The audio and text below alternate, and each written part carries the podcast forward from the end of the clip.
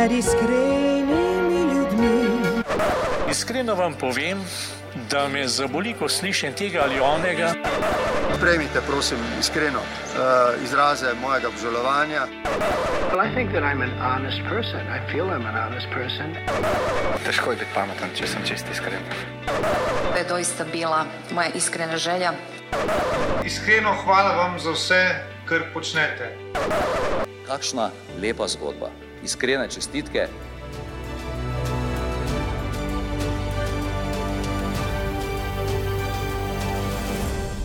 Drage poslušalke, dragi poslušalci, iskreno dobrodošli v najbolj iskrenem podkastu.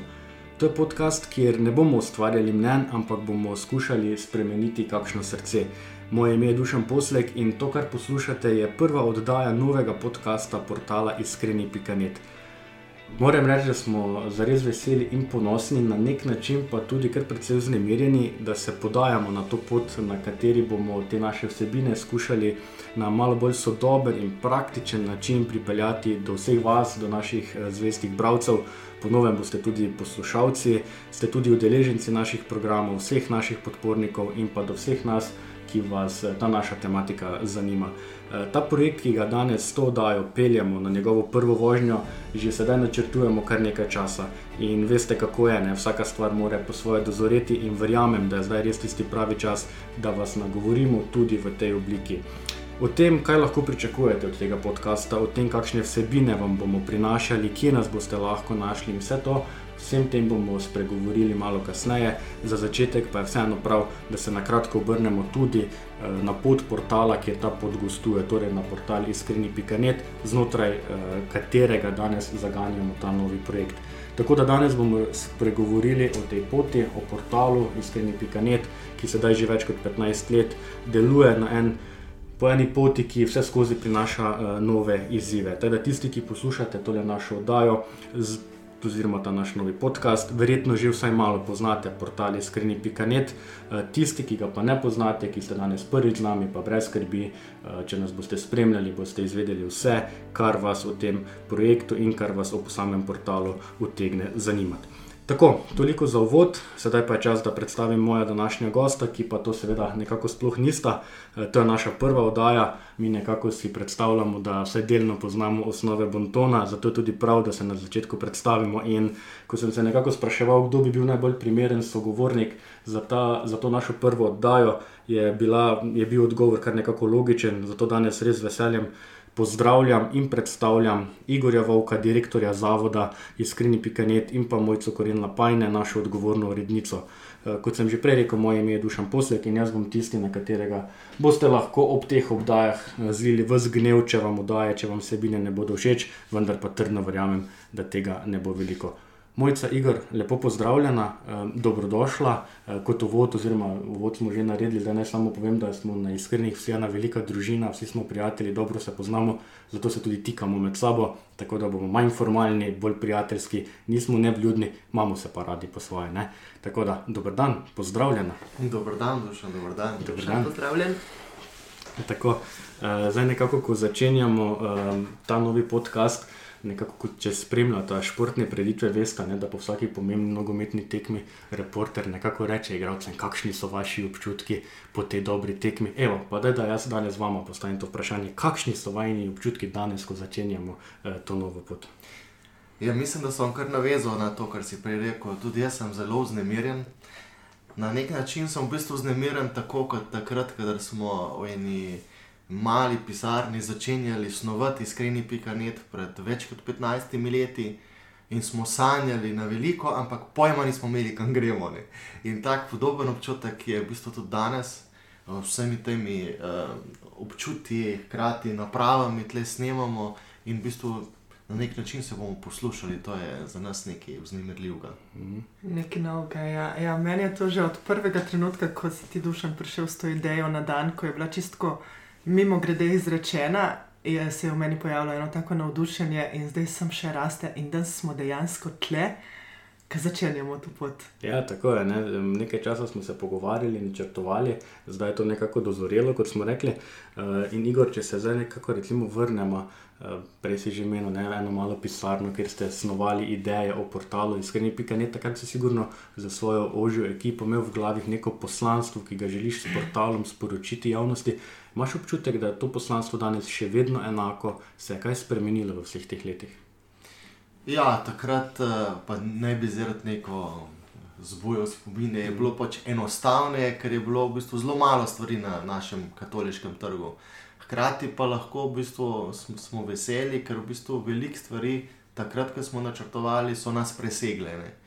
In na en tak način sumim, da bodo tudi te podcasti prinesli veliko več, še kot si lahko obetamo. Ne? Ker enih stvari se enostavno ne da zapisati. Takrat, ko smo začeli, smo imeli seveda najprej plan, uh, redno članke napisati, vzpostaviti uh, vse okolje. Ne? In to v bistvu nam je takrat že ogromno energije pobralo. Kasneje, pa, ko smo v bistvu že en mesec po portalu, smo začeli že z e-pripravo na zakon, smo pa že nekako kovali to našo vizijo, da bi v bistvu postali počasi organizacija. Ne? In uh, vidiš vsak projekt, ko si dodaš, ne, je, so novi izzivi. Uh, ampak mene najbolj znemirja ne samo izzivi, ampak potem odzivi ljudi. Ne, ker v bistvu vidiš, da za vsem poslanstvom dejansko spremeniš srca. Ne, in ko ti reče en ali pa ti reče drug, v bistvu mi dva bi šla skoraj na razen, ne, če ne bi prebrala to, pa to. Ne, in povedeš prav. Vem, dva članka, konkretna, spremenita tok. Mm. Uh, ene jih opogumlja to, da se srečamo v živo in v bistvu si delimo izkušnje. In prav to hrepenim v teh podcestih, ne, da bomo lahko na nek način brez kakšne take močne cenzure. Tako, tako. Sam, ampak predvsem samo cenzure, ne, ker ogromno stvari si kar sami nekako zamijimo. Ne. Uh -huh. In v teh začetkih smo imeli odprte, odprto glavo, brez no limit. Uh -huh potem čas je pa prikazal, joj, pa tega ne smeš tako, pa to moraš malo lepše. Ne? Pa se kar sam sebi nalagaš ogromno in ga bremena na sebe. No, mojca, uh, Igor je zdaj eno tako super izhodišče. Da, jaz se spomnim, ko sem so, začel sodelovati z uh, portalom Iskrenje za iskreno družino. Mi je takratna urednica uh, Tadeja rekla, da na iskrenih enostavno ni prepovedanih tem. Ne? Kakšno je pa tvoje mnenje? Uh, se držimo še tega? Smo... Absolutno se držimo tega, to, to ni nobena teorija, to je pri mm. nas ustaljena praksa. Um, tudi sama sem ustvarjala, tudi sama sem pisala članke pod uredništvom Tadeja Kreč. In to je bila gotovo ena od stvari, ki sem jih pri njej zelo cenila. Uh mhm. -huh. Pri nas ni prepovedanih tem, pri nas ni tabu tem. Uh mhm. Je pa res, da na marsikatero temo pogledamo z čist drugega vidika, kot jo mogoče predstavljajo ostali mediji. Mhm. In ravno to, ne, to ni najbolj enostavno. Ne. Mi se lotevamo enih tem, ki imajo po eni strani globoke, tudi krščanske korenine, korenine v enih odnosih teme, ki so še vedno del tabuja v naši družbi, ne? ampak mi jih vseeno skušamo dati naši javnosti, ker druge jih enostavno ne najdejo, kot si sama rekla. Ne? Tako, ja. mm. Mi dostkrat rečemo tudi na uredniškem sestanku, ko pride do kakšne take res težke teme, o kateri kolebaš, a bi spregovoril ali ne bi, ali bi jo spregledal, pa se delal, da ne obstaja. Ampak pol na koncu zmeri sklenemo in rečemo, le, če mi ne bomo pisali, kdo bo? Mm. Če mi ne bomo o tem govorili, kdo bo. Mhm. Ampak kaj pa to, recimo, Igor, pomeni za samo obranost portala? Ne? Vemo, lotevamo se nekih tem, ki recimo, gremo z njimi ven iz ene cone obdobja. Ne? Lotevamo se na zadnje tudi tem, ki lahko koga na nek način, ne bom rekel, prizadanejo, ampak vsaj vznemirijo. Je recimo sama obranost portala tudi odvisna od tematike. Ki jo obravnavamo, oziroma od načina, kako to tematiko podajamo našim, našim bralcem. Absolutno je v bistvu teme, se vedno navezuje na branost. In bolj kot je nekaj, recimo, če pride neka tema zelo aktualna v splošni javnosti, in če jo uspeš na nek način prikazati in tudi ubesediti na en tak način, da ne nekoga užališ, ne? ampak da poveš mnenje. Prej si omenil, da smo v temelju krščanski, ampak to pomeni, da smo odprti za vse in da v bistvu sprejemamo, hkrati pa ne negiramo vrednot, iz katerih živimo. In spomnim se, recimo, bil je že kar nekaj let, že veliko let nazaj, referendum. Ne? In takrat je bilo zelo težko v tem razgretem ozračju pisati o teh stvarih, ampak mnogi so nam pisali, wow, dajete prav en tak mir doživim, uh, ko preberem stališče, ki ga sam čutim in bi ga rad živel, in v bistvu je nekak, na nek način spoštujete. Pol kasneje smo tudi ta spoštovanje različnih začeli, da v bistvu spoštujemo različnost, ampak to pomeni, da ne moramo izenačiti vse in v bistvu, da se vsi zlijemo in smo vse eno, ampak moški, v bistvu, da jim odkrivati svojo moškost, ne?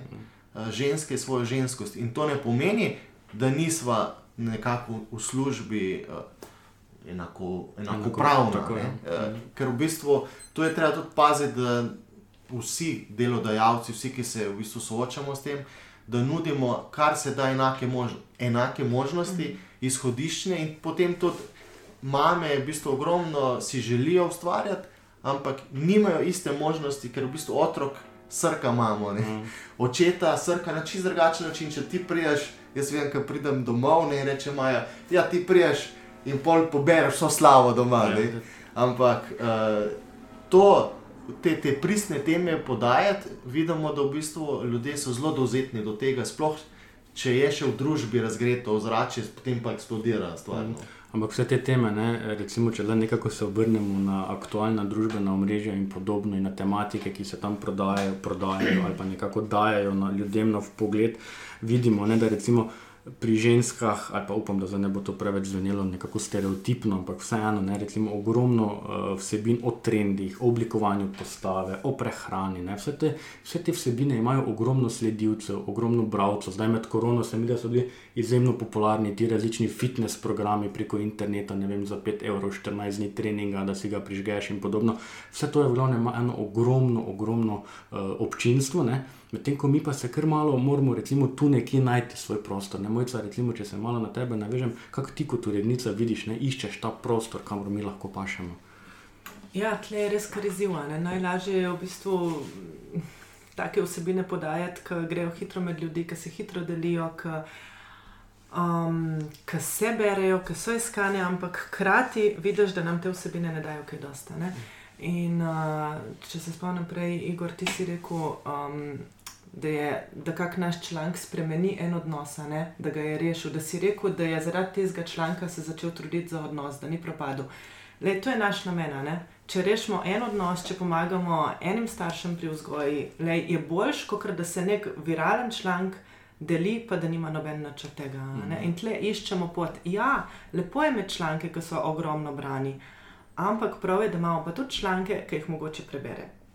Sto ljudi, pa pri dveh nekaj premakne. Ne? No, se, ravno ja. to je, recimo, kaj jaz nekako. Še preden sem začel sodelovati s portalom Iskreni, eh, priznam, ne, jaz nisem bil redni bralec, ki bi vsak dan preverjal vsebine, ki se objavljajo.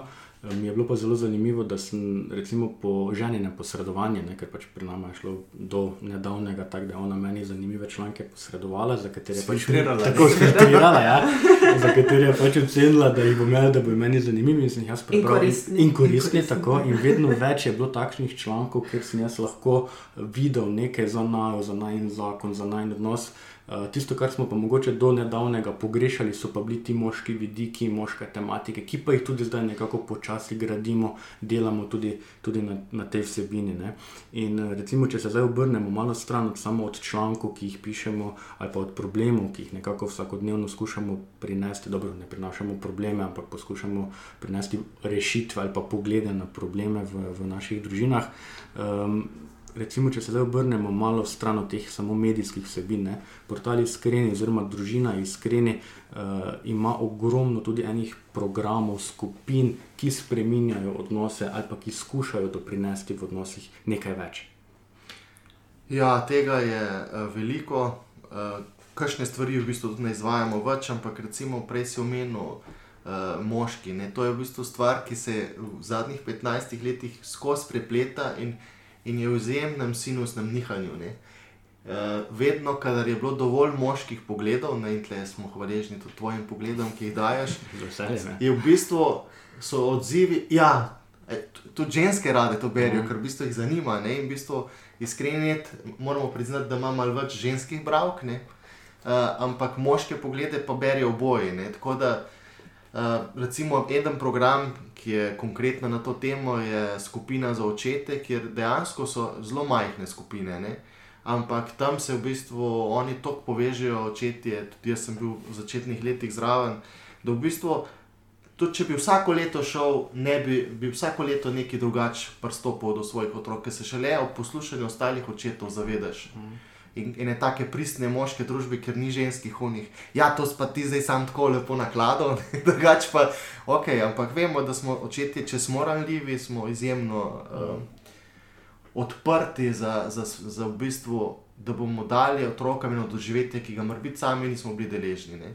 Potem imamo uh, fertility care, ki se ubada predvsem z načrtovanjem družine, napro, ki je vedno bolj aktualen, uh, z, predvsem tam, kjer ne pride do spočetja in skušamo na kar se da celosten način pristopiti do, do zdravja ženskega in včasih tudi moškega, sicer v manjši meri. Potem imamo e-pripravo na zakon, ki je v bistvu prvi program, ki sem ga prej omenil, že takoj ob štartu portala in je danes še le razumljen. Jaz se spomnim, ko smo začeli z e-pripravo na zakon, smo imeli enkrat v uh, katoliškem tedniku družina vsa pisma bralcev na temo, kako to ne more delovati. In pol so se prva skupina iz e-priprave spet pisala, da to je njim spremenilo življenje in kako bojo govorili, da se to ne da sicer ne poteka samo prek spleta, ne, ampak tudi z vikendom. Tako da mm. je tudi ta, ampak vidimo, da smo že nekoč, sploh nismo se zavedali, delili že na nek način ta izobraževanja nadaljavo.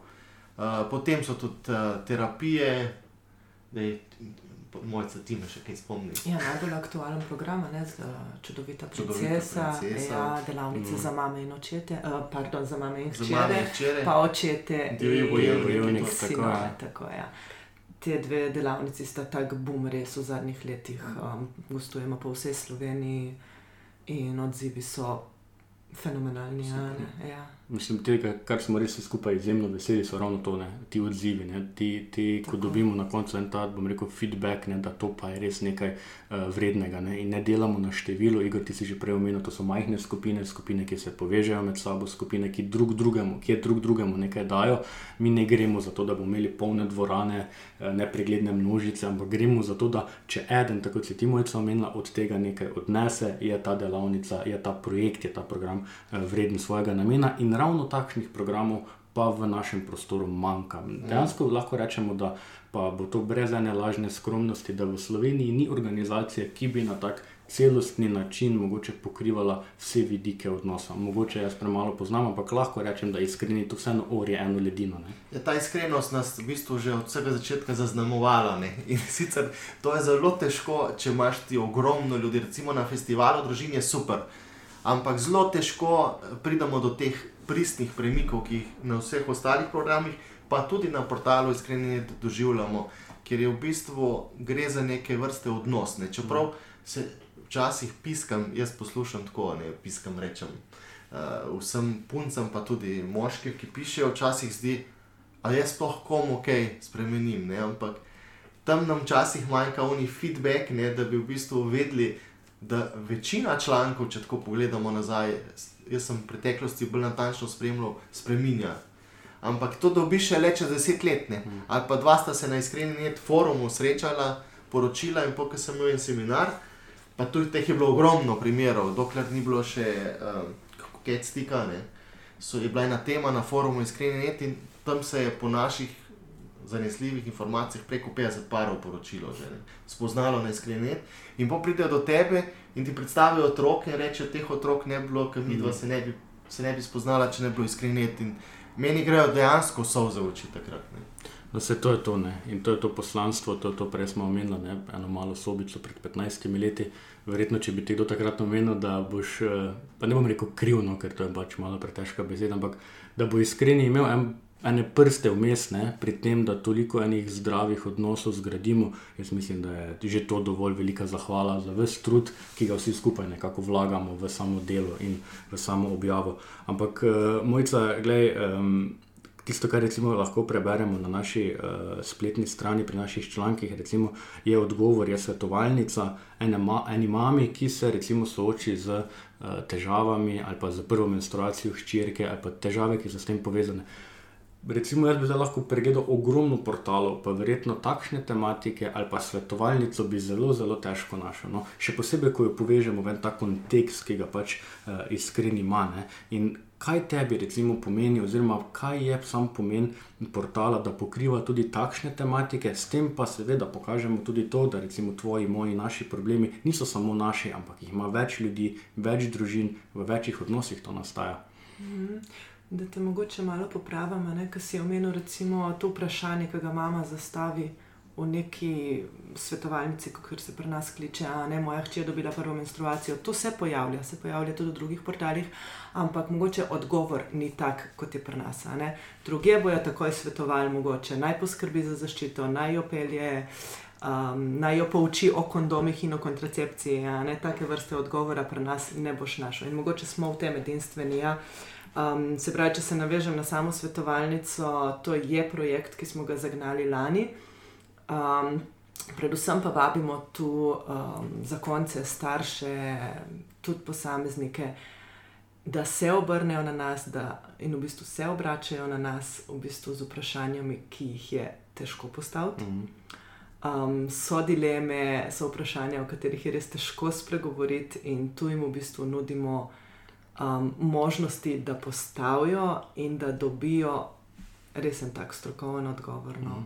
Ampak ni cilj samo, da, oprosti, nekaj ja. prekinem, ampak ni cilj samo, da nekdo postavi vprašanje, pa dobi odgovor, ker to bi se ja. dalo tudi, recimo, čisto v naredbeni anonimnosti ali pa na individualnih sestankih. Cilj je, da mi ta vprašanja in te odgovore tudi objavimo. Ne? Tako. Ja. Mi imamo, recimo, pri nas zakonske in družinske terapeute, imamo svetovalce za fertility care.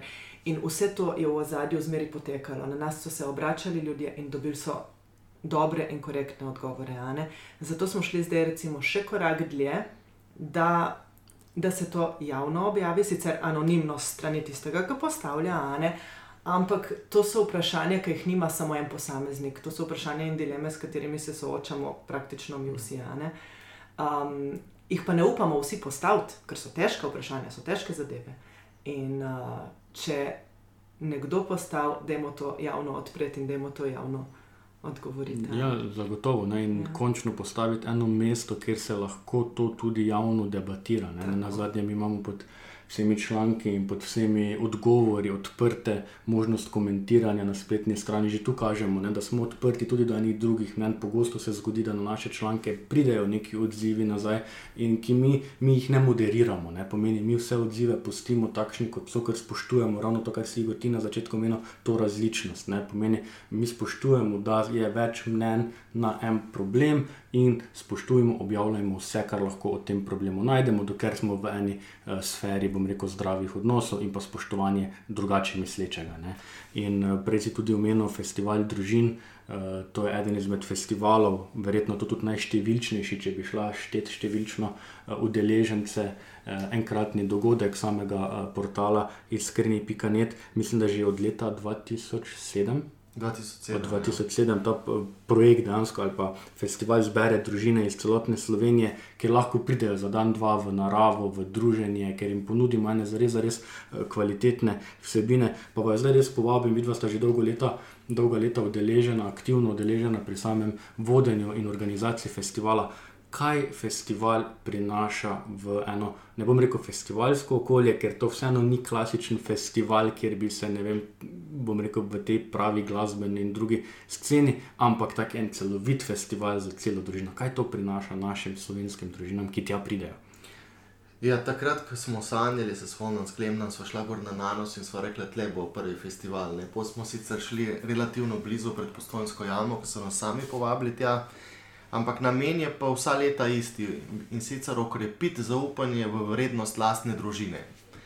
Da v bistvu, ko prideš tja in vidiš, da nisi sam, ko prideš tja in vidiš ljudi, ki jih eno leto ali pa dve leti nisi videl, ne, in v bistvu vidiš, kako ti otroci vsi rastejo in da imajo iste probleme kot ti, ne, in da to doživiš in da to praznuješ. In druga, poleg okrepitve, je tudi praznovanje. Mi, slovenci, čist premalo praznujemo te ključne stvari, ki jih imamo. Ne? Sicer rojstne dneve, pa to še nekako ne skrbimo, za, da pa v bistvu ovrednotimo najn zakon, da ovrednotimo najno družino. To se nam je zdelo takrat, da je manjkalo. Zdaj se mi zdi, da z leti se, se osvešča. Uh, ampak, veš, prej si omenil, da je najštevilčnejši. Mi smo bili čisto obsedeni s tem v prvih letih festivala in smo, mislim, da do te Ramolimije, ki so bile tam festivali, bilo 10 tisoč ljudi, je bil maksimum. Ne? In nam, ki smo se usedli, organizatori, vsi zmučeni na koncu, smo rekli, to ne pelje več nikamor, take množice. V bistvu to je vlake smo vozili, ljudje so drli notrne. Otroci, v bistvu težko je bilo sploh obvladati. Ne? In smo zavestno šli potem, mislim, da smo šli na roglo in smo rekli, mi moramo to nekako bolj povezati z naravo ne? in z manjšim številom. Ne? In dejansko smo zavestno šli v krčenje. Uh, in zadnja leta je v bistvu festival ena tako sproščena, tudi vsi tisti, ki so bliže od začetka, pravijo, ne vem, prijatelja Neca se spomnijo, kot to je zdaj to. Veš, takrat smo neki pomp veliki, ne, zdaj pa imam res občutek, da smo ena velika uh, družina. In zdaj letos nam ni uspelo uh, v Bohinju, bili smo zmenjeni praktično za tri četrt stvari, ampak hkrati se pa že pripravljam naslednje leto, kjer sem tako skoraj ne glede na kakšno bo stanje, no jaz mislim, da bomo kot družba in kot iskreni pripravljeni naslednje leto v Bohinju izpeljati uh, super festival. Mm, ja, seveda, letos nas je ta korona kriza dejansko, ne bom rekel, da nas je nekako doletela nepripravljeni, ker na to dejansko niti nismo, nismo mogli biti pripravljeni nikakor v nobenem pogledu, obenem je pa ob vseh ukrepih ne mogoče organizirati festival. Takšnih, v takšnem obsegu. In je bi bilo preveliko tveganje. Ja dejansko mi smo spremljali, se pogovarjali tudi s pristojnimi organi, da v bistvu je ne mogoče bilo karkoli napovedati, čeprav bi moral biti kakšen tak. Eh, ne vem, kako bi rekel, kakšen tak mm človek, ki je zelo mal, uh, že riskanten, bi rekel, da to greš, pa spelješ. Ne, ni, ni tako enostavno, ko si odgovoren za, za toliko ljudi in v bistvu vse te ukrepe uresničiti. Hkrati pa tudi se mi zdi, da v ljudeh imamo eno blokade, zdaj v smislu, ne, Sej zdaj vidim, da je kar veliko ljudi na morju, pa tako, ampak vseeno uh, niso v bistvu razmere, kot so bile do zdaj. No. Tista sproščenost, tista ne. pristnost, vseeno manjka pri vsem tem. Ne, In mislim, da se bomo mogli navaditi dejansko biti sproščeni ob tem, mm. uh, da v bistvu upoštevaš ene normalne ukrepe, zdravstvene in si lahko te ni strah. In ta strah se mi zdi, da, moramo, da to moramo vsi napeti kot družba ne samo čakati na pristojne, da, da v bistvu si odgovoren in sproščen. Ne, mm, tako je. In prej na začetku se je tako, se mi lepo pomenilo, ko je rekel, da festival skuša dati družini tisti pravi pomen, ne pomeni pomen ki bi ga marsikdo danes skušal, oziroma ga skušajo tudi nekako razvrednotiti, um, ali pa dati družini nek pomen, ki pojmu družine ni dorasel. Tudi to temo bomo obdelali v eni izmed eh, naslednjih oddaj, mogoče mojca še samo. Tvoj, kakšna tvoja beseda o vtisu samega festivala, o tem, kaj pa pri tebi, recimo, pušča takšen festival? O, jaz, sem, jaz imam izkušnjo festivala še kot študentka iz prvih let festivala, uh, ko sem tam delala še kot prostovoljka. Ščelado se te spomnim, smo šli v eno. A res ujame, ja. pa je bilo to še na Bergla. um, in tam sem res začutila, prvič se spomnim, se nekaj, o, kako fajn je imeti družino. Res, zdaj si pa res želim čim prej ustvariti družino in se z njo vrniti na ta festival. Se mi zdi, da, um, da je to res, ne se mi zdi, to si upam kar trditi, da je to res edini festival v Sloveniji ali pa ne vem, širše, ne vem kako je, um, ki poskrbi za dušo, duha in telo družine in vsakega posameznika. Mm. Ne? Ja. ne gre za ustvarjalne delavnice, mm. ne gre za ne vem, neko druženje. Dejansko poskrbi celostno in omogoča družini in družinam med sabo, da se povežejo, da se sprostijo in da odidejo bogatejši domov. No, evo, in to je, po mojem, lahko ja. tudi najboljša reklama za festival, ki ga, kot smo rekli, letos zaradi sile razmer ne bo, obenem pa lahko povabimo že na uh, festival družin leta 2021, torej naslednje leto, ki bo tudi v Bohinju, verjetno. Ne? Tretji vikend v juniju. Evo, tretji vikend v juniju se rezervirajte, vnesite si v koledar, rezervirajte dopust. Mi verjamemo, da vsi ti ukrepi do takrat. Eh, se bomo z njimi uspešno spopadali, kot si Igor ti rekel, bomo s tem živeli na tak ali pa drugačen način in se vidimo v Bohinju eh, junija 2021. Eh, toliko o festivalu, zdaj pa bomo se malo, oziroma se bomo malo predstavili um, še na same vsebine na portalu iskreni.net. Mojca, um, ko sem tako razmišljal o vsebinah, Um, pomemben del vsebin uh, na iskreni.net uh, so ali pa smo tudi ustvarjalci teh uh, različnih vsebin. Ne. Zelo pomemben. Zelo, zelo pomemben. Tako, vas. Tisto, kar se recimo meni res zdi neverjetno, je, ne, da je toliko različnih avtorjev, toliko različnih osebnosti, toliko različnih predstav o življenju, ki jih imamo, vsak, ki tukaj ustvarja, pa vseeno ustvarjamo ene vsebine, ki jih lahko združimo na enem mestu, torej na portalu iskreni.net. Kako ti kot urednica recimo kombiniraš, načrtuješ, zlagaš skupaj recimo, ta, ta mozaik teh vsebin? Hvala Bogu, da je tako res. Jaz sem zelo hvaležna. Jaz si sploh ne predstavljam, da bi imela ekipo desetih piscev in pisk, se pravi ekipo desetih avtorjev, ki bi vsi razmišljali enako, ki bi imeli enake izkušnje, enako vrsto izobrazbe, um, enako starost, konc koncev.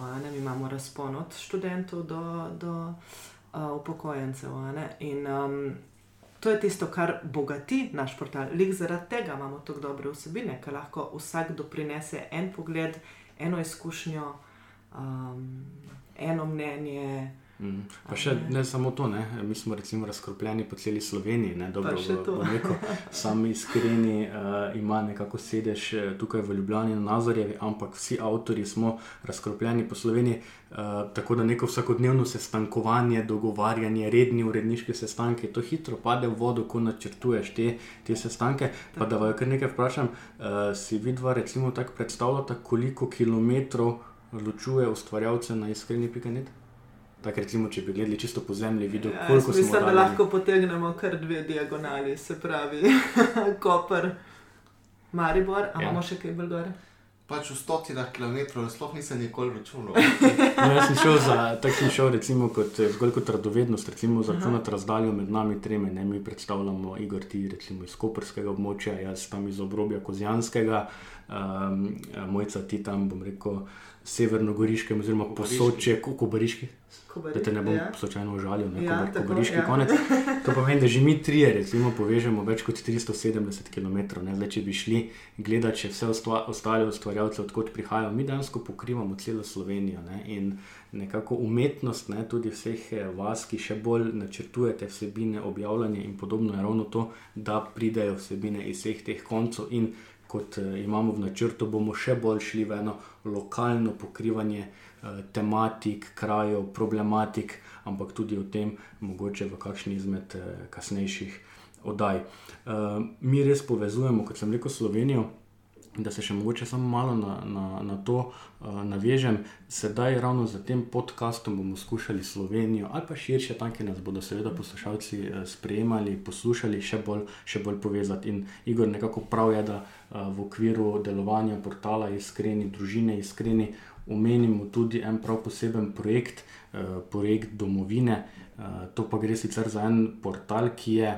Ne vem, bom mogoče uporabil izraz hčerinski, ali pa niti ne hčerinski samega uh, zavoda iskreni, ampak po drugi strani pa pokriva malenkost bolj dnevno politično dogajanje, oziroma samo dnevno politično dogajanje in se prav lepo, nekako, oziroma vedno bolj se nekako, uh, bom rekel, kaže na tem zemljevidu medijskih vsebin v Sloveniji. Kaj, Ja, uh, teh, deba teh debate so vedno hecne, ne? ker urednik domovine Rok Čakš pravi, da je sestrski, Aha. ampak v začetku ekipa iskrenje je nekako imela kot sina. Okay. ampak zdaj ta sin je pač ratov najstnik okay. uh, in deluje zelo po svoje. Sicer zakaj smo pa šli v domovino, je zelo preprost razlog. Takrat smo še s Štefanom skušali še take politične teme. Ne? Jaz se spomnim, sem napisal uh, oče Zoran Jankovič. Ne? In to je bilo fulbrano. Hkrati smo pa prijemali ogromno, uh, mislim, ogromno, dobro, če rečem na en članek, pet mailov, se mi zdi to vseeno, kar odziv. Joj, pa ne zdaj vi, kakšne politike zganjati na iskreni. Uh, hkrati so pa želeli. In vedno bolj se, recimo, tudi pri družinskem zakoniku, kjerkoli je bila neka politično-ideološka tema, so želeli videti naš pogled. In vedno bolj se je kazalo, da če želimo ohraniti iskreni v srcu to, kar smo začeli, moramo to družbeno-politično tematiko dejansko uh, domensko ločiti. Ne? Ko smo osnovali, v bistvu uh, povabil sem roka. K sodelovanju, vemo, in gostilni smo bili, jaz, Štefan, pa rok. Drugače, tudi gostilni smo črtovali festival. Tako da, pač... tako da vse se rodi. Zdaj bomo tako dali en nauk te zgodbe, da vsi dobri projekti se rodijo v gostilni. Ne? Upam, da ne bo to Moški projekt. moški, Moški, projekti. moški pač rabimo zraven. Jaz upam, da se naši poslušalci iz te prve oddaje ne bodo samo tega zapomnili, to je gostilne, ne? ampak izvolite. In ko smo iskali ime, uh, ni bilo tako preprosto, kot se mora biti zdi. Ne? In v bistvu, ampak pol nam je bil ta družina dom, ne? domovina. Tako naravno nam je prišlo, da smo pa rekli, to je to edino, kar je bilo, joj, nočemo biti oni zategnjenci. ne. Ker domovinskost je, je ne vem, zakaj, mislim, ne vem, določene stvari vemo, ne, ampak je izjemno zapostavljena in v bistvu narejena kot nenapredna, kot, eh, kot oni čudaki, ki so domo, domoljubje, domoljubje kot tako. In mi smo želeli z domovino prenesti spet to pristnost domovin, domoljubja, no? ampak v pravem pomenu besede, ne? da v bistvu sprejmeš vsakega, ki pride v Slovenijo in si želi biti del te dežele ne? in želi spoznavati kulturo te. Ne? Nismo pa že v štartu, smo rekli, nismo pa za uno domovinskost, ki bo zabrisala vse naše korenine. Ne? In v bistvu pisati o vseh teh tem, eh, to je v bistvu včasih je prav noro delo in, in dejansko so spoštovanje do, tudi do vse ekipe domovine, ker to so tempo, jaz ne vem, če si kdo predstavlja uh, 24 cele dneve, v bistvu. Vse čas biti aktualen. Ne? No, vse v eni izmed, eh, zdaj danes sem že večkrat omenil, kaj vse bomo, eh, koga vse bomo gostili v naših naslednjih oddajah. Zagotovo eh, bo tudi rok svojo ekipo eh, del ene izmed oddaj, ki jo pripravljamo. eh, Pa ne zameriti, verjamem, da poslušalci ne bodo zamerili. Danes bomo večkrat omenili o tem, kaj še pri, pri, pripravljamo. To je ravno zaradi tega, ker je to prva oddaja in nekako prinašamo nove, nove vsebine. Ampak da se še samo za trenutek vseeno vrnem eh, na domovino. Eh, Ravno v tem korona času se je nekako vseeno pokazalo, da domovina dosega ali pa nekako zauzema vedno vidnejše mesto tudi v slovenskem medijskem prostoru. Ne? Ja, domovina in iskreni net skupaj pač presega ta že 250 tisoč ljudi, kar je fenomen, mislim, fenomen. Meni se zdi, ono, ko pogledam te številke skupaj, to, je, to, ni, to niso samo neke številke, ne, mojce, to so v bistvu Ljudje, družine, ja. so srca in v bistvu to. To je ta prihodnost, no? ker v bistvu se mi zdi, da, da se skupaj oplajamo, če se rečem. Ne? Ker v bistvu samo skupaj, če se bomo odkrivali naše korenine, če bomo odkrivali, kaj si v bistvu želimo v odnosih, kje nam ne gre v odnosih, kje nam v družbi ne gre, kje nam v državi ne gre, bomo lahko pustili tudi za namcem, za, za kanček boljše. eh, Življenje v naši domovini, hkrati pa tudi prav je, da vsak od nas naredi en korak naprej v odnosih. Ne? Mm. In hkrati tudi v odnosu do Boga. Ne? Mislim, da tam pod našim komunizmom bilo to načrtno vse zablokirano ne? in naši starši bi nam z veseljem več predali, če bi lahko. Ne? In že to, kar so nam dali, smo lahko hvaležni. Če bomo mi naredili eno malo stopnico, jaz nimam več iluzije, da bom ne vem kaj dosegel. Ne? Ampak se mi zdi, da vsak od nas, če bo en korak naredil, Ja, to je, to je res, recimo, tako res zanimivo, tudi, tudi z moje strani, oziroma z mojih pogledov. Pogosto, recimo, kakšno vsebino, ki jo preberem na uh, domovini, ne bi lahko mogoče tudi prebral že na portalu uh, Iskreni, ne, ampak je fajn po eni strani, da je tu ena vsaj majhna meja postavljena, da mogoče res gremo vsak po svoji dobro načrtovani poti uh, naprej. In kar se meni zdi ključno, je, ker dejansko ne, mojca, je ne mogoče, da bi mi vso to tematiko, ki jo pokriva domovina, ker vemo, ne, s kakšnim spektrom uh, novic, kak, kakšnim spektrom tem se oni ukvarjajo, dejansko je ne mogoče, da bi to na iskrenih Ne, ne, ne, pokrivali. Ne. to ne. Obstajajo pa še vedno teme, ki jih pokrijemo, a, ki jih pokrivamo, Oboje, a ne. ne Mm. oboje. Ja, a ne samo s tem, da mi pogledamo mogoče na tematiko z bolj družinskega vidika, na domovini pa bolj z družbenega oziroma tudi političnega. a Ne, če je mogoče. Še vedno obstajajo teme, ki so skupne. Um, je pa res pravno, da, da se je to ločilo. ne. Jaz iskreno priznam, na začetku, ko je prišla ideja v eno domovini, meni je bilo to tako. A A res, treba? a to treba, pa se imamo portal, je, resno.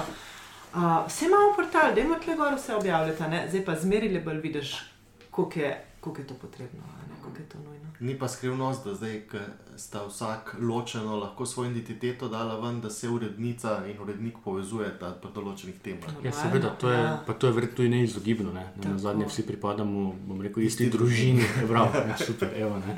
In uh, to je neizogibno in le tako lahko oboje rastemo. Ne? Mene so recimo navdušile tiste številke obranosti, mm. ki ste jih uh, oba z Igorjem, pardon, oba z rokom objavljala v času korone.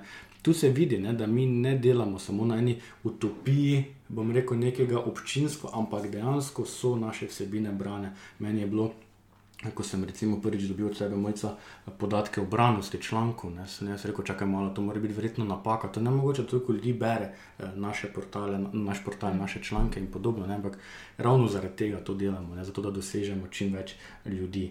Ok, um, toliko mogoče o, samem, o sami vsebini, o avtorjih, o tematiki na iskrenih, um, vsi tisti, ki poznate spletno stran, evo, dovolite, da vas v tem trenutku tudi povabim, da jo še enkrat obiščete, za vse tiste, ki pa je še ne poznate, spletna stran iskreni.net, kjer lahko res dobite uh, vse možne uh, tematike o družini, odnosih in vsemu, kar nekako prežema našo družbo.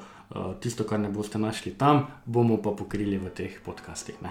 Tako da evo, smo si to lepo razdelili. Eh, pa da se na zadnje vrnem še na eno drugo stvar. Zdaj, ko tole snemamo tukaj na Nazorju, slišimo tudi spodaj zvon čkljati vrata, to so tista vrata v našo uh, trgovino, ki se nahaja pod nami. Um, trgovina iskreni je prav en poseben projekt, ne, ki pa obenem tudi dosega, uh, zdaj še posebej, ko je ta spletna prodaja malo zrasla oziroma postala bolj popularna, tudi dosega en zelo zanimiv krok kupcev. Ja, uh, pred leti, ko smo se preselili na Nazarevo, tle v, v, v bistvu center Ljubljane, ne, nam je prva misel bila, pa mi moramo tle ponuditi. Uh, Izbrane v bistvu, knjige in artikle, ki v bistvu smo prepričani, da so dobri. Ne? in ki jih naši uh, sodelavci, bravci prepoznajo kot kvalitetne. Uh, in s tem se je rodila nekako uh, začetek trgovine z zgodbo, jo mi notranje imenujemo, zunanje jo še ne, ker, ker v bistvu želimo v nekaj letih zgraditi dejansko zgodbo. Zgodbo, ki bo povezovala. Vedno več dobrih vsebin, in na to se je nedavno navezala še v bistvu založništvo, ne? ker smo enostavno videli, da zdaj je tako nasičen trg, da hkrati kvalitetne založbe ne izdajo več vseh kvalitetnih gradiv, hkrati pa imamo celo lastne, kot je čudovita princesa, ki se super dejansko prodaja. Uh, in na, tej, na to fizično trgovino smo potem, seveda, nekaj letih šli še v, na spletno. Tle je pa dejansko v letošnjem korona času dobesedno eksplodirala in nam predstavljala ogromno težav, ampak kot se že pravi, to so sladke skrbi, mm. ne reševati. Uh, Takih težav si želimo veliko. ja, ja, ja. Tako je. Ja. Eh, no, Mojca, ti si tudi ena izmed, eh, zagotovo ena izmed uporabnic ali pa bom rekel tako te trgovine. Pa da gremo zdaj malo iz tvoje uredniške v tvojo potrošniško vlogo. Kaj za tebe, recimo kot za žensko, kot za mamo, predstavlja ena takšna trgovina, kjer lahko najdeš en spektr stvari, ki jih druge zagotovo ne? Oh, ne, mislim, da ni to to, da ne najdeš druge, uh -huh. ne, ker jih najdeš, ampak vem pa, da karkoli bomo vzeli, da je preverjeno, da je preverjena literatura, da, je, da so preverjeni izdelki. In to mi je meni fajn. Jaz ne pridem na Nazarevo brez tega, da ne bi kaj odnesla ven, ne, da ne bi pustila tle. Kupla misliš? Ja, tako je. Ja, to je pogledaj, kaj malo. Igor je tudi zelo malo zavil z očmi, ne, ko si rekel, da nekaj odneseš ven, ne, tako da je kupla. Ja. Tako da, dragi poslušalci, dragi poslušalci, dragi ja. poslušalci, uh, mojca kup kupi, kar pride iskati na nazorju, da ne bo kakšne, kakšnih težav. E, tako, evo, mislim, da smo na en taki lepi, sproščen način e, zaključili, oziroma pripeljali to našo prvo uvodno oddajo v koncu. E, jaz nekako verjamem, da smo se dotaknili vsega tega, kar bomo. E, oziroma mogoče se samih tematik še nismo dotaknili, to bo predmet naslednje oddaje. Dotaknili smo se pa tega portala, torej tega našega temelja, kjer bomo v prihodnje gostovali. Tako da, Igor, eh, mojca, najlepša hvala, da smo se skupaj dejansko podali v ta projekt, da imate nekako ta. Bom rekel, odprte oči za to, da ta projekt lahko živi tudi na iskrenih. Umenili smo trgovino na Nazorjevi, vse, ki vas zanese tudi mimo, dobrodošli, pridite dol v trgovinico, mi smo zgoraj, tudi gori lahko potrkate, poveste in podobno. Obenem pa vsi skupaj dobrodošli tudi na naši spletni strani iskreni.net, dobrodošli na naših družbenih omrežjih, na Facebooku, na Instagramu in res, res veseli bomo vsakršnih vaših odzivov tudi na elektronski naslov dusanafna.iskreni.net, mojcaafna.iskreni.net, igorafna.iskreni.net in pa na vse ostale eh, elektronske naslove, ki so javno objavljeni, lahko pošiljate vaše mnenja, vaše želje, tudi vaše ideje o kakšni tematiki, za katero želite, da jo v naših podcastih predstavimo. Tako da tokrat še enkrat eh, hvala za pozornost vsem vam, ki nas eh, poslušate in če ne prej se slišimo čez dva tedna, vmes pa spremljate našo spletno stran, naša družbena omrežja vsem en lep uh, pozdrav, dušan tudi tebi za to odlično energijo. V bistvu tudi mojca se zdaj sam še reži, kaj na začetku rekla, kako bo to laufalo. Ja, ja, bo, bo laufalo. Bo, bo. Da vidim, da, bomo, da te bomo kar veliko poslušali. No, super. Moj, moj cilj je, da se mojca skozi smeji in dokler se bo mojca smejala, vem, da bo, bo vse, bo vse v redu. Dušan, hvala ti, tako, res. Tako. Hvala za um, vso pripravljenost, vso navdušenje, vso svojo energijo, ki jo vlagaš v to, ker se res čutiš. Z velikim veseljem. Ja, to, to, z ja. velikim veseljem in z velikim veseljem že pričakujemo naslednji eh, ponedeljek, torej se slišimo čez 14 dni.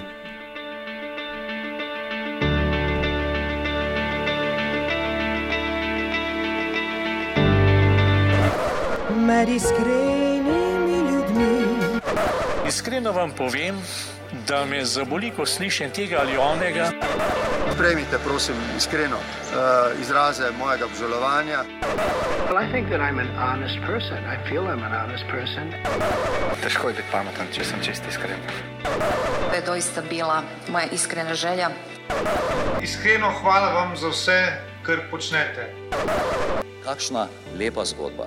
Iskrene čestitke